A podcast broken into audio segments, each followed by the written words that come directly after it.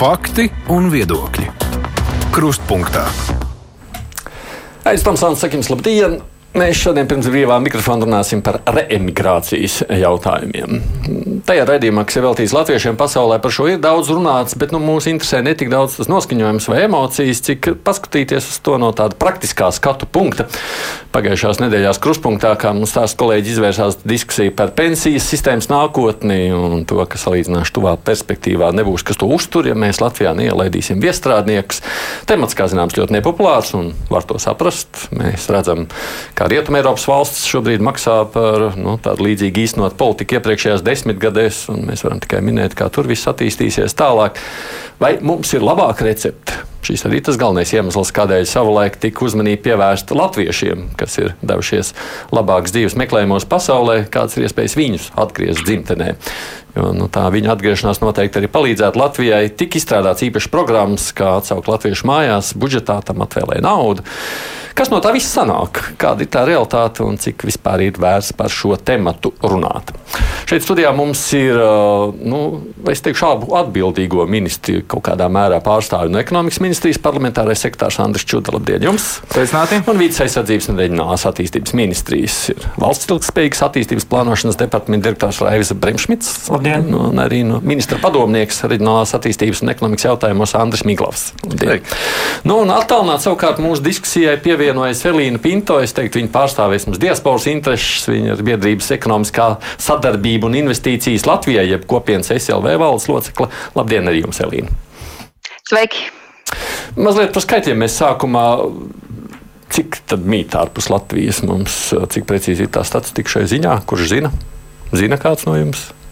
Nu, dažādas aplēses. Tikai dažādas. Tas ir, nu, mēs varam rēķināties maz kādiem 200 tūkstošiem tādu uh, neseno emigrāciju, kas ir bijusi, ko mēs uzskaitām mūsdienās, neskaitot to kultūru vēsturisko, kas ir bijusi iepriekš. Nu, pirms kara, jā. jā, un arī tajās diskusijās tas tā salīdzinoši ir faktiski viens Latvijas reģions. Ja mēs tā ņemam Latvijas reģionu izmērus, vidzemi, latgali, kurzem, zemgali, tad tie ir vairāk kā 200 tūkstoši katrs līdz ar to.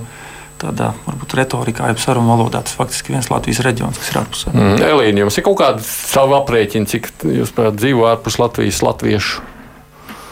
Šeit es varu atsaukties uz profesora Hazana pētījumiem, kurš kā lielāko iespējamo skaitu min pusmiljonu, bet tas būtu jau skaitot arī senākas izbraukušo pēcnācējus.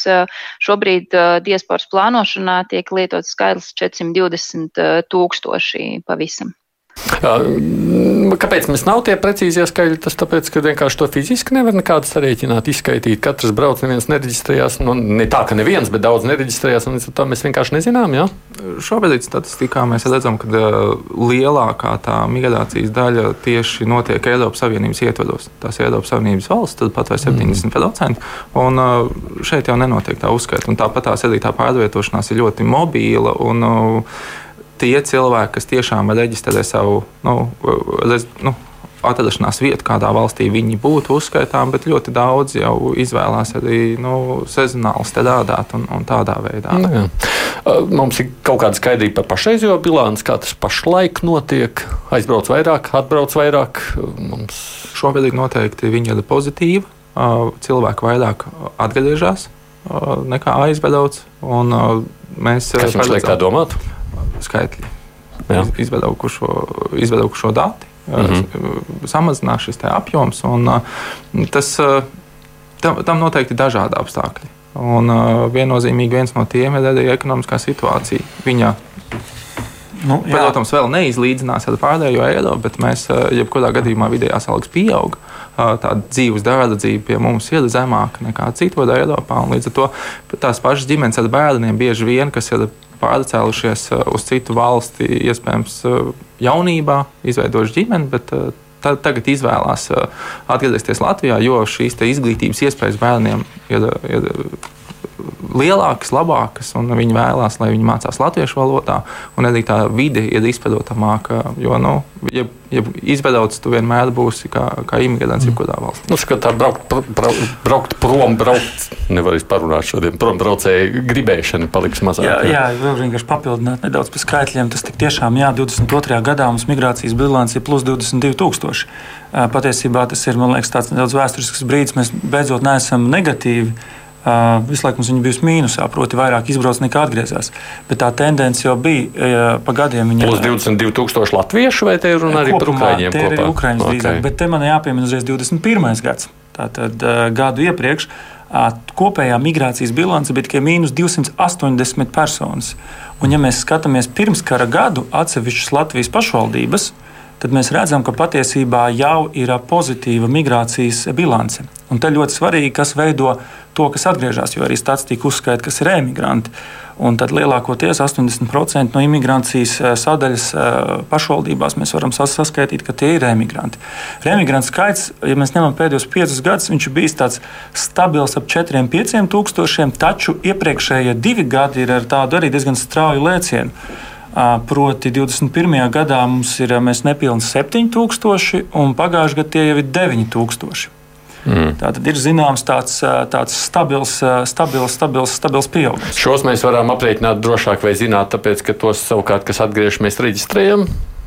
Jā, to arī uzskaita gan Centrāla statistikas pārvalde, gan arī to attiecīgi tas, kas ir atbalsta programma, kas ir reģionālajie koordinatori, tie arī uzskaita savus darba rezultātus. Līdz ar to tas jā, noteikti ir kopdarbs. Nu, bet, protams, visi apstākļi, kas tika pieminēti, kopējie sociālo-ekonomiskie apstākļi, kas arī ir uzlabojušies, kas arī nodrošina priekšnoteikumus remigrācijai. Mm. Atsakot, pabeidzot tikai no šī skatu punkta, kurā mēs palūkojamies, Elīņa, es nezinu, vai jums ir ko piebilst šajā kontekstā. Mēs varam sacīt tā, vismaz Latvijas tādā kopējā ainā, nu, to bilanci negatīvo mēs esam apturējuši. Piekrītat? Cilvēki joprojām turpina arī atstāt Latviju, un kas zināmā mērā ir arī dabiski, jo dodas papildināt zināšanas un meklēt arī sev jaunas iespējas. Un šogad varētu būt tā tiek lēsts pirmais gads, kad šis te remigrācijas un emigrācijas saldo varētu tuvoties nullei, vai arī pat būt nedaudz pozitīvs. To, vai tas piepildīsies, mēs redzēsim. Redzams ir tas, ka Igaunijā šāda situācija jau ir vairākus gadus. Un jāsaka, ir, man ir tomēr arī priekšstats, ka lielā mērā šos Latvijas cilvēku atgriešanās nosacījumus veido varbūt ne tik lielā mērā Latvijas paša situācija, kā no Latvijas neatkarīgas tādas atricinājumi. Piemēram, lielāks skaits cilvēku atgriezās Latvijā pēc Brexit. Un arī Covid situācija daudzos radīja to vēlmi atgriezties mierīgākā vidē Latvijā. Līdz ar to nu, šeit būtu tiešām jāvērtē, cik liela tas veiksmes atslēga ir mūsu pašu politikām un izvēlēm, un cik lielā mērā to ietekmē tomēr arī situācija plašāk pasaulē. No jā.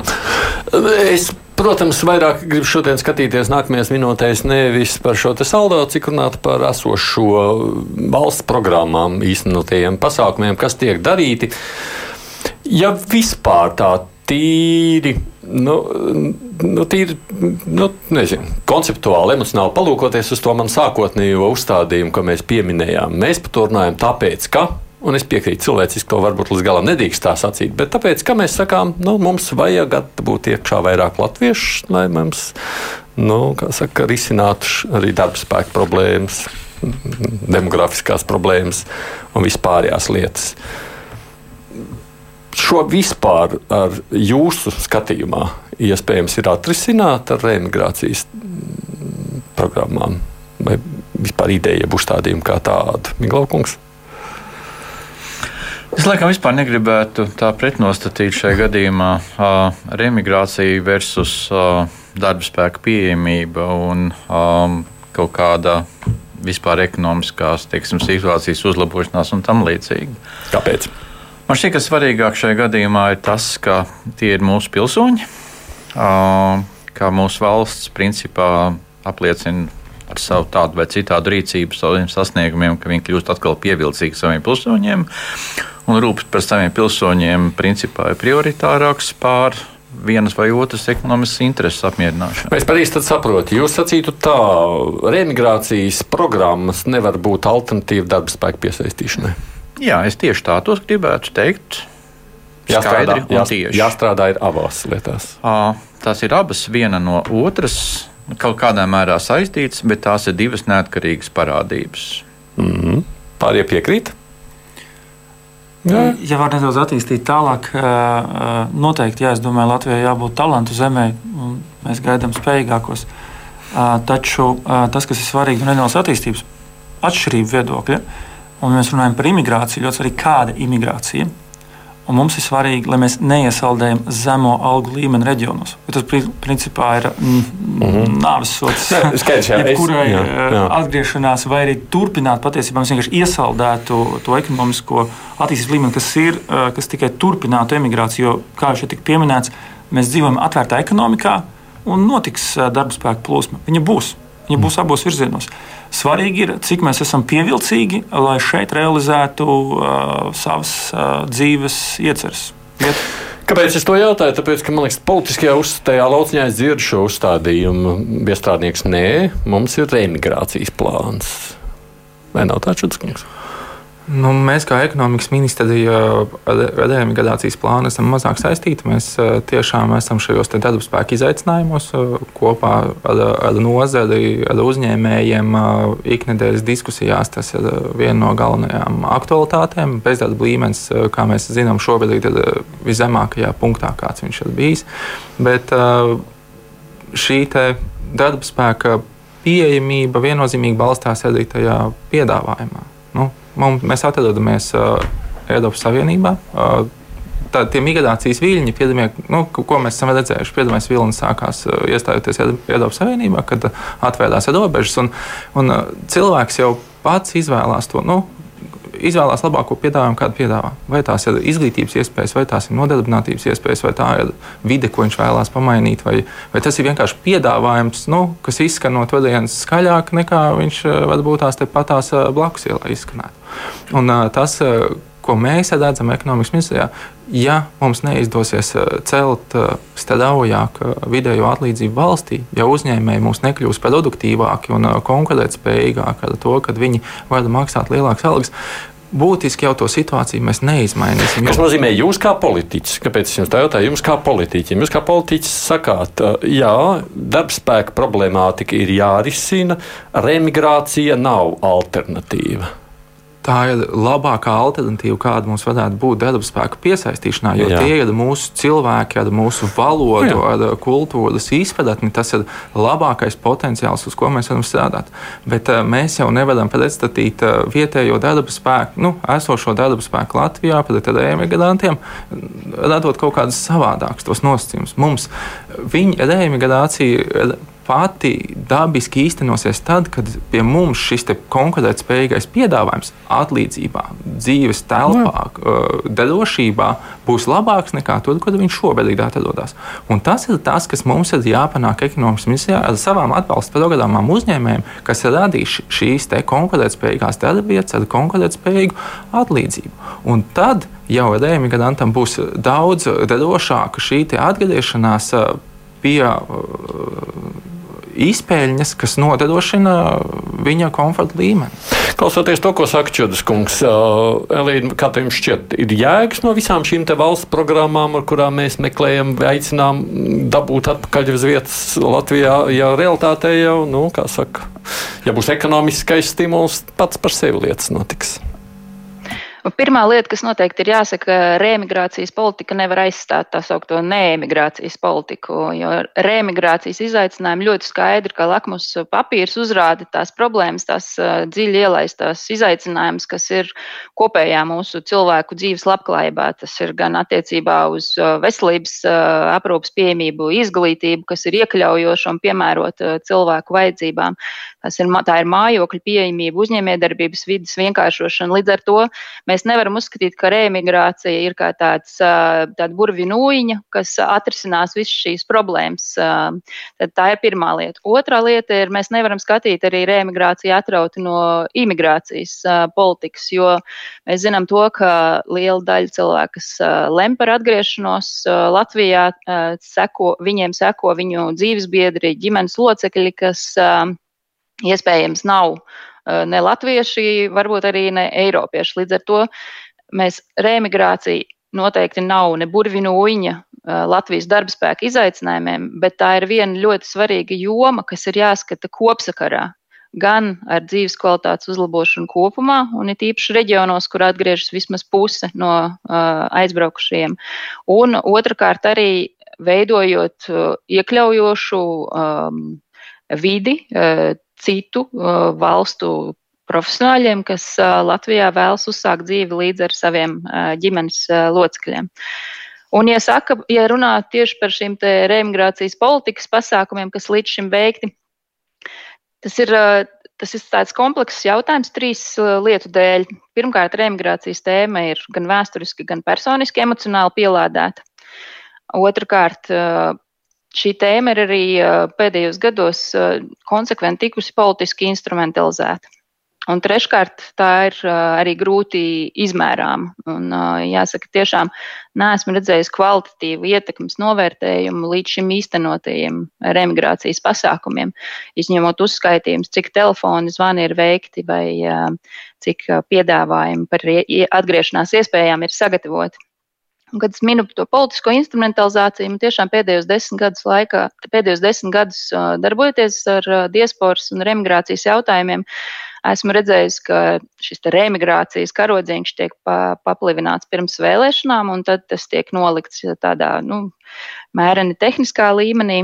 Ilgi arī reemigrācijas jautājums politiski nebija aktuāls, un es pieņemu, ka tas bija saistīts arī ar ar to, ka diasporas uh, sūtītie naudas līdzekļi atpakaļ saviem tuviniekiem Latvijā zināmā mērā bija politiski vērtīgāki, jo tie mazināja sociālo spriedzi uh, Latvijā. Jo par šo, šiem līdzekļiem varēja sekt gan savu radinieku izglītību, veselību, arī mazās, uh, mazās pensijas papildināt. Um, un tikai pēdējos gados, manuprāt, ir tiek beidzot sākts domāt par uh, diasporu, par, par emigrāciju un remigrāciju kā tādu lielu vidēja termiņa izaicinājumu.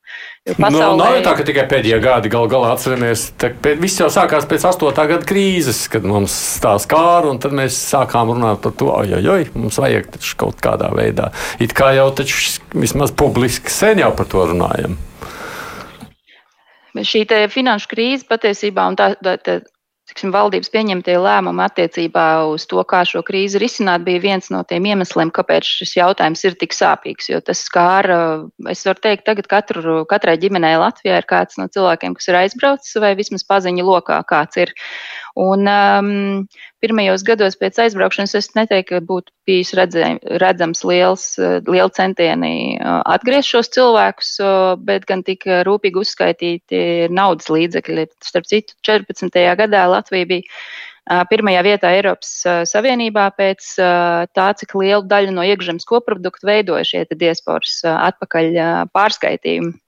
Un tikai pēdējos gados tie mazliet krītas. Um, bet, nu, um, kas bijis, bijis, uh, es domāju, ka ir svarīgi šobrīd, tad, kad tiek, uh, es redzu nopietni domāts gan ekonomikas, gan izglītības, gan labklājības ministru līmenī par uh, Latvijas cilvēku resursu attīstību, tomēr skatīt arī šo piekto daļu Latvijas tautas kā daļu no šī potenciāla. Un ne tikai kā runājot par darbas darba spējīgajām rokām privātiem sektoram, bet arī skatoties uz eh, mūsu zinātniekiem, eh, mediķiem eh, un arī jauniešiem, starp citu, ļoti svarīga grupa, kuri ar vienu, manuprāt, nepietiekami tiek uzrunāti ar esošiem reemigrācijas pasākumiem. Nu, sadzirdēju daudz skepses tajā sacītajā. Jūs varat beig beigās izstāstīt, kāds tas izstāsts no jūsu ministrijas vai vispār? Jā, kopumā ārlietu ministrija ir izveidojusi diasporas atbalsta pasākumu plānu, kur ir daudz dažādu pasākumu. Jā. Mums kā ministrijai ir atsevišķi ļoti specifiski, tas ir vairāk sadarbībā ar pašvaldībām, tātad sagatavot komunikāciju ar, ar tiem, kas grib atgriezties.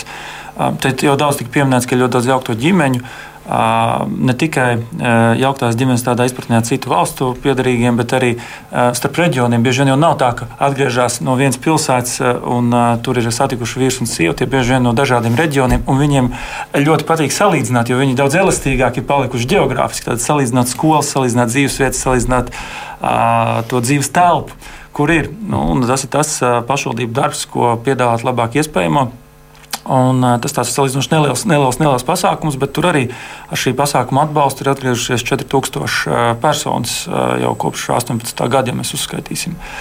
Tas, kas ir svarīgi, protams, ja mēs runājam par diasporas pasākumiem kopumā, tie ir gan valodas apmācībai, gan dažādu mēdīju pasākumi. Mums, prāt, arī svarīgi diskusijā jautājums ir, kas tad ir mērķis kopumā, jo tas ir daudz vairāk nekā tikai tas, kas ir varamam. Tās ir patiesībā vairākas ministrijas, gan izglītības ministrija, labklājības ministrija, kultūras nu, ministrija. Katram savs. Vienkārši tas galvenais jautājums ir tāds, vai mūsu mērķis ir izveidot mazo Latviju ārvalstīs, lai komfortabli jūtamies, kā atgriežamies, vai radīt tos priekšnoteikumus, uzturēt valodas zināšanas zināšanas, lai tomēr atgrieztos šeit.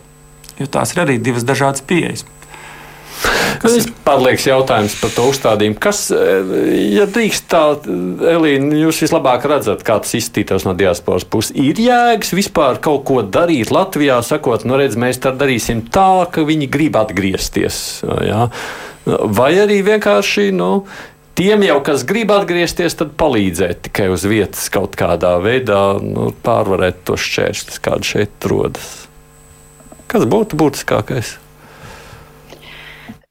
Šeit ir ļoti dažādi viedokļi cilvēkiem par to, arī diasporā, par to, cik liederīgi ir šie remigrācijas atbalsta pasākumi. Skaidrs ir viens, ka vēstījumam ir svarīgi būt konsekventi tādam, ka katrs cilvēks Latvijā tiek gaidīts, Un, un šeit ir runa arī par to komunikāciju, kas ne tikai tādā kā nu, tādā pozitīvās propagandas līmenī tiek stāstīta, bet arī šie reālie pieredzes stāsti. Jo šajā laikmetā, kad ir ļoti augsta neusticēšanās valdībai kopumā Latvijas sabiedrībā, un diaspora tam ir tikai spogulis, tad daudz lielāku lomu spēlē tieši šie konkrētās cilvēku pieredzes atgriežoties, un tas vārds, kas aiziet pēc tam no mutes ausī par to, vai tiešām ir iespējams ne tikai um, dzirdēt šo vilinošo vai nu, racionāli pieņemamo atalgojumu pie, piedāvājumu, bet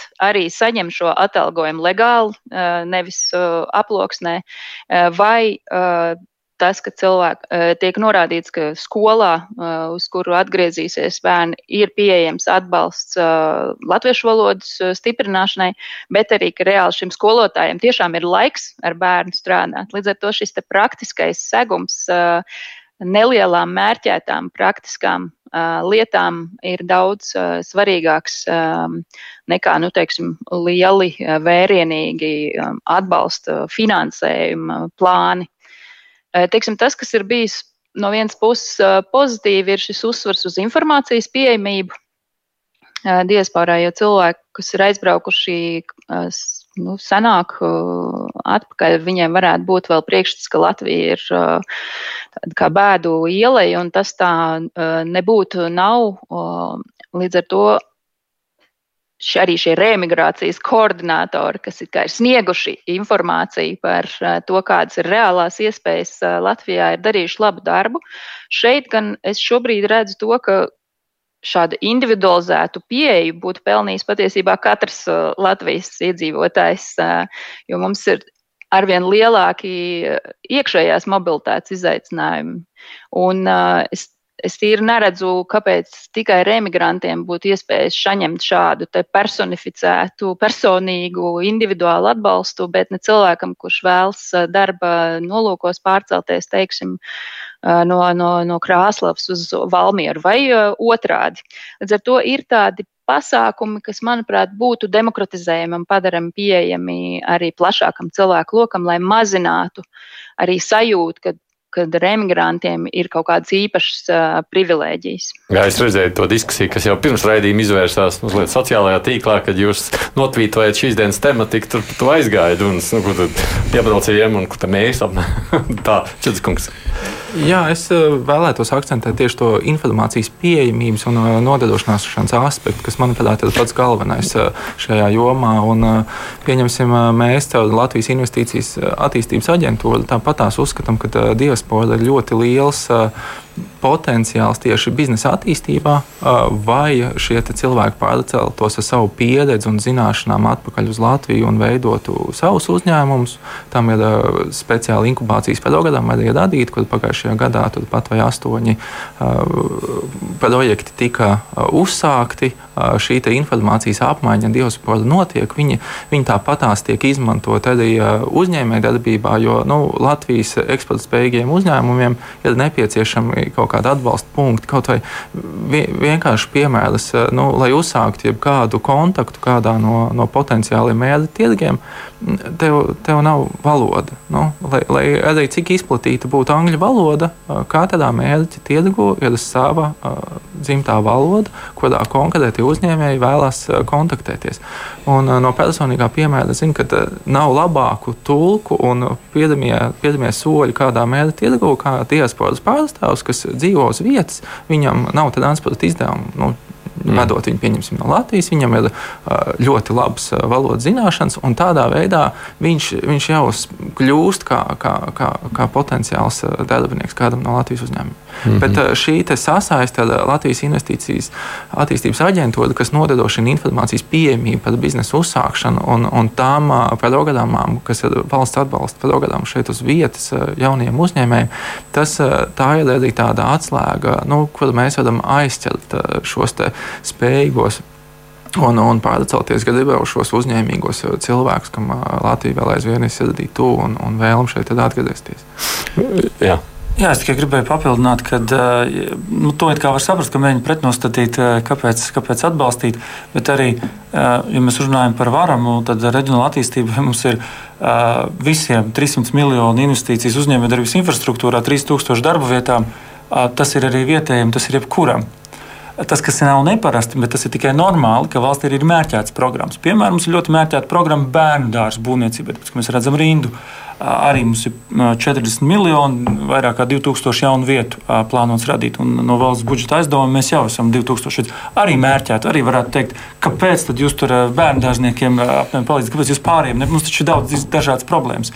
Tā kā es teiktu, ka tas nav nekas neparasts, ka ir tikai tādi mērķēti instrumenti. Un te salīdzinājumi, tas, ko es pieminēju par emigrāciju, koordinātoru darbs gadā ir 200 tūkstoši. Tas neiet tajās miljonu kategorijās, ko mēs runājam par kopējiem dažādiem atbalsta pasākumiem. Mm.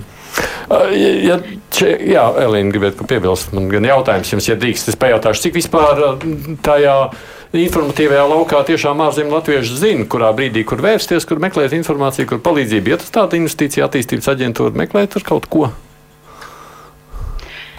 Nu, jāsaka, tā komunikācija komunikācija ir tikpat daudzveidīga kā uh, visas iespējamās uh, institūcijas uh, Latvijā. Nu, kas meklē, tas atrod, protams.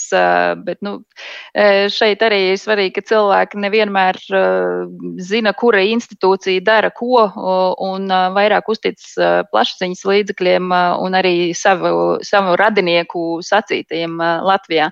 Ar to šeit noteikti būtu vērts domāt par to, lai tā komunikācijas stratēģija būtu skaidra un saprotama, un ka tā nebūtu tāda ļoti uh, agresīvi um, pielādēti ar, ar domu, nu, ja tu neatgriezies, tad tu Latvijai esi zudis, uh, bet gan uh, katram cilvēkam atkarībā no viņa tās uh, brieduma pakāpes šajā lēmumā par atgriešanos būtu piemērotā formātā. Un šeit, es domāju, privātā sektora kolēģi ļoti labi uh, marketingā ir izstrādājuši rīkus, kas, kas tam ir pielāgoti.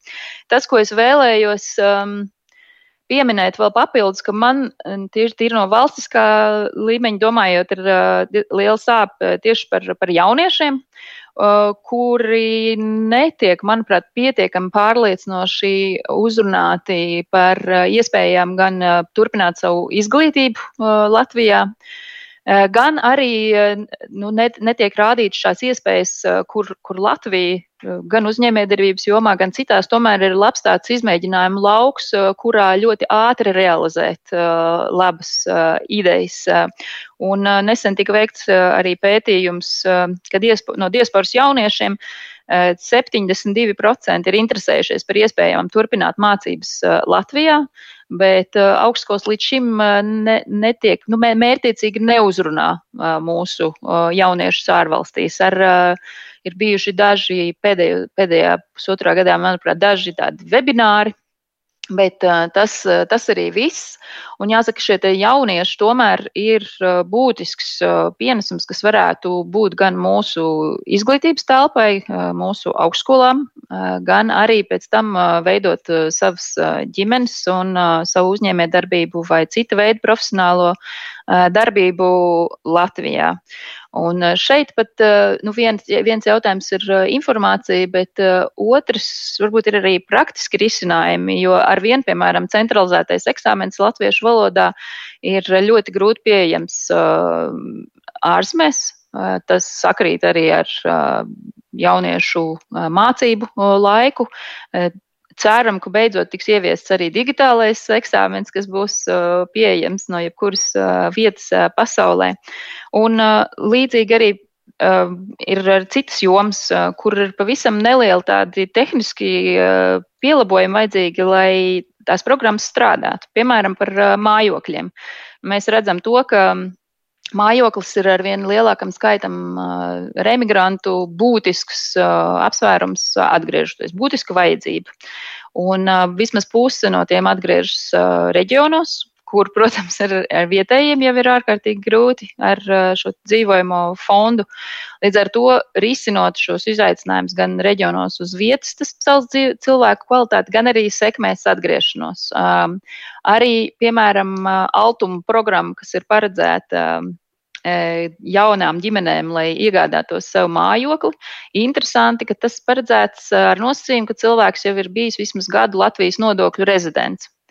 Un vienlaiks uh, ir zināms tas, ka arī remigranti savu lēmumu par to, vai palikt pavisam uz dzīvi Latvijā vai tomēr braukt atkārtot prom, parasti pieņem pēc pirmā gada uh, beigām, pēc tā, vai viņi ir iekārtojušies. Uh, pirmā gada beigās parasti beidzas arī ietaupījumi, kas viņiem būtu ļāvuši uh, dzīvot un uh, arī ieguldīt īpašumu iegādē. Un šeit uh, tiešām iespējams ir vajadzīgi tādi nelieli pielāgojumi, lai cilvēkam, kurš vēlas atgriezties un nostabilizēties Latvijā, dot šādu iespēju uz nu, līdzvērtīgiem nosacījumiem, arī, protams, kā vietējiem, bet neprasīt papildus gadu vai divus, kuros apliecināt savu lojalitāti un ka tas cilvēks ir pelnījis, tad saņemt tās pašas garantijas, kā, kā arī vietējie. Klausoties es... jūs visā tajā stāstā, un es pieļauju, ka šeit var būt daudz interesantu to ne. Kāds vispār Latvijā strādā tālāk nu, pie pilnveides? Nu, jūs ministrijā kādā veidā jūs izvērtējat to, kas darbojas, kas nedarbojas no esošās programmas, un pēc tam, ko vajag tur mainīt vai pielabot? Jā, mēs veicam novērtējumu, protams, par savām aktivitātēm. Ja runājam konkrēti par emigrāciju, tad mums bija arī Latvijas Universitātē pētījums tieši par tām aktivitātēm, ko varam veikt. Bet nu, dzirdējāt tikko, ko Elīna Pinto sacīja. Nu, tāds... nu, tas ir attiecīgi gan izglītības ministrijai, gan arī nu, pārējiem nu, savās jomās. Jo, nu, mēs jau arī, protams, tad, ka mums ir gan reakcija no nevalstiskām organizācijām, vai vienkārši redzam, ka programmā lietotājiem buksē kaut kādas lietas, mēs, protams, nākam ar iniciatīvu, labojam, pilnveidojam un uzlabojam tās. Tas nebūtu nekas neparasts, tas tāds darba ikdienas jautājums, sagadīties, sekot līdz programmām, kāpēc viņas neiet. Jā, bet man liekas, ka mums arī tā pārskatīšana reizēm buksēm ir kaut kas. Es laikam grib, gribēju vienu vien, vien lietu pateikt. Man liekas, tas svarīgākais tās ir, ja mēs paši padarīsim dzīvi racionālāku un sakarīgāku arī visiem mūsu pašu šeit uz vietas dzīvojušiem cilvēkiem, tad mums būs daudz mazāk jādara paši speciāli reemigrācijas pasākumu veicināšanai. Tas ir skaidrs, bet tajā pašā laikā ir kaut kāds nianses, kurus nu, Jā, un, un tas citādas. man ļoti patīk. No, no Elīnas kundzes pirmie teiktā šī stāsta būtība kā reizi, jā, ka principā jau arī Latvijā ir daudzas. Uh, uzņēmējdarbības tāda vai citāda veida, gan nozarēs, gan, gan teritorijās atbalsta programmas. Bet šis izaicinošais stāsts ir tieši kā reizi integrēšanās teiksim, Latvijas ekonomiskajā vidē ar bankas kontu, ar nodokļu maksātāju statusu, ar nosacījumiem programmas atvēršanai, kas šajā gadījumā, teiksim, brīvmigrantiem ir, ir izaicinājums.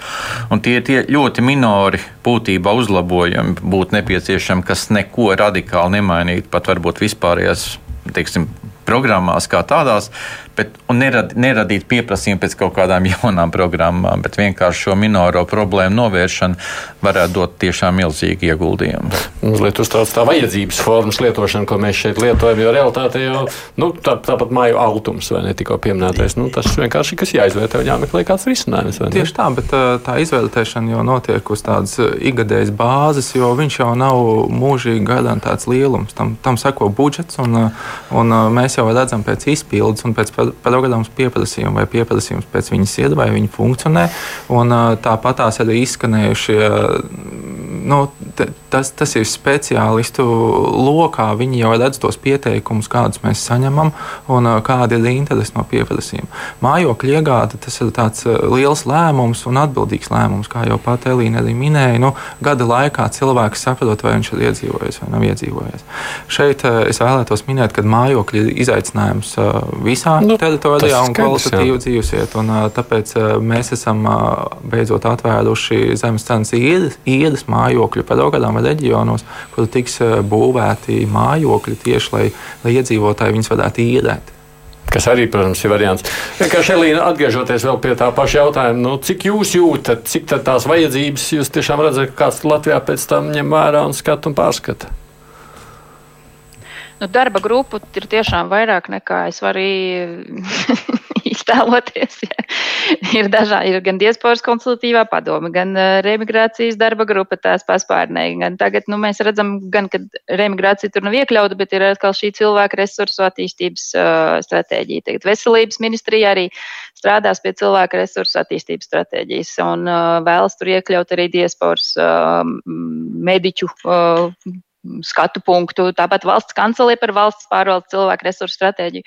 Ir gluži vienkārši pārāk daudz šo formātu, kuros katrs pa kādai drupačiņai mēģina uh, līmēt to, to bildi kopā. Bet uh, ir daudz svarīgāk, lai tiešām būtu gan šī politiskā ieinteresētība šī jautājuma risināšanā, gan konsekvence arī vēlēšanu starplaikā. Šobrīd, piemēram, arī runājot par izvērtējumiem no manas publiskās pārvaldes pieredzes, Kolēģi minēja, ka viss tiekot nepārtraukti izvērtēts kaut kur. Šobrīd notiek darbs pie jaunā diasporas rīcības plāna.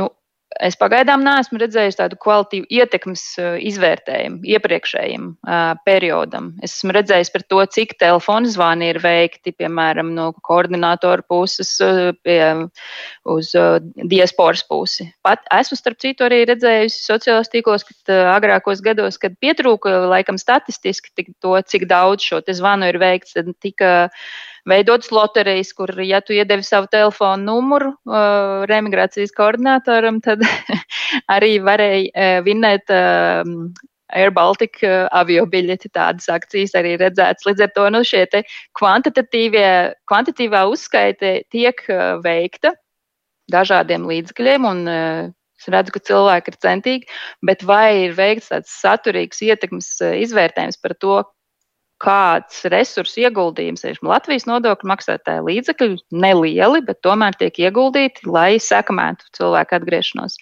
Vai mums ir veikts kārtīgs izvērtējums par to, kāda ir šo pasākumu atdeve, lai varētu ļoti nomērķēt, vai mēs strādājam tieši uz jauniešiem, vai mēs uh, uzskatām, ka tomēr ka šos līdzekļus ir labāk ieguldīt, uh, piemēram, kādas vietējās sistēmas uh, sakārtošanā. Es, es skatos uz pulksteni, mums ir jābeidz. Vai, vai, es, vai es pareizi saklausu jūsu tajā skatu punktā? Nu, tāds sadrumstalot pārāk un nav tāda viena kopējā, kas to visu aptver. Tā? Jā, protams, kopējā Latvijas nu, cilvēku dzīves kvalitātes uzlabošanā. Šim, protams, ir nu, šim tikai viena tāda nišas loma, bet eh, es uzskatu, ka tā remigrācija ir kā šis lakmus papīrs, kas uzrāda gan problemātiku, kas ir svarīga vietējiem, gan var palīdzēt arī to risināt. Līdz ar to būtu konsekventi jāietver arī domājot par Latvijas cilvēku resursu attīstības stratēģiju, gan arī par nozaru attīstību, to pašu medicīnu vai tie paši skolotāji, kas šobrīd Latvijas reģionos trūkst. No vienas puses mums ir potenciāli skolotāji un ārsti, kas ir diasporā, no otras puses, jo labāk būs šis nodrošinājums arī mūsu reģionos ar skolām un ar veselības aprūpi, jo lielāka iespēja būs, ka tur arī atgriežas atgriežas uh, citi. Līdz ar to šīs lietas ir savstarpēji saistītas, un remigrācija nav tikai nišas jautājums.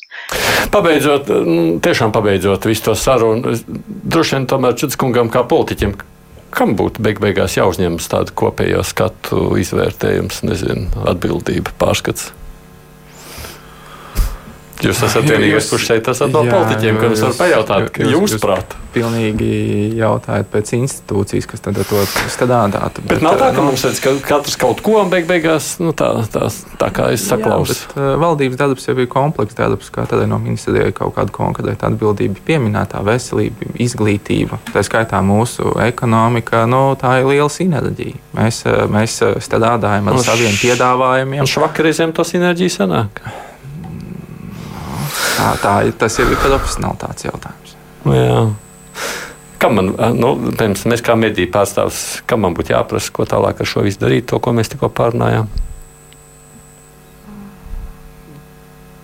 Visticamākais, ka man un kopīgi jāmeklē šie instrumenti, kas visi, e, visefektīvāk strādā. Un es varētu skatīties no tās ekonomiskās prizmas, e, kas mums, kā ekonomikas ministrijai, savu kompetenci ietvaros būtu jādara, lai e, radītu šo te vidi, kurā mūsu cilvēki vēlētos atgriezties un dzīvot. Jo viņi jau emigrēja tāpēc, ka citur bija labāks piedāvājums ekonomikas ministrijas parlamentārais sekretārs Andris Čūda. Uh, Elīna Pinto bija pieslēgusies mums ārpus Latvijas, vai ne? Es pareizi saprotu, no biedrības ekonomiskā sadarbība un investīcijas Latvijai. No Vides aizsardzības ministrijas, reģionālās attīstības ministrijas arī bija divi pārstāvi - Raims Bremšmits un Andris Miklaus. Paldies jums, ka atnācāt. Mums vienkārši laiks ir arī brīviem mikrofonam. Tāpēc ļaudis klausītāji tagad jums iespējas zvanīt un izteikties.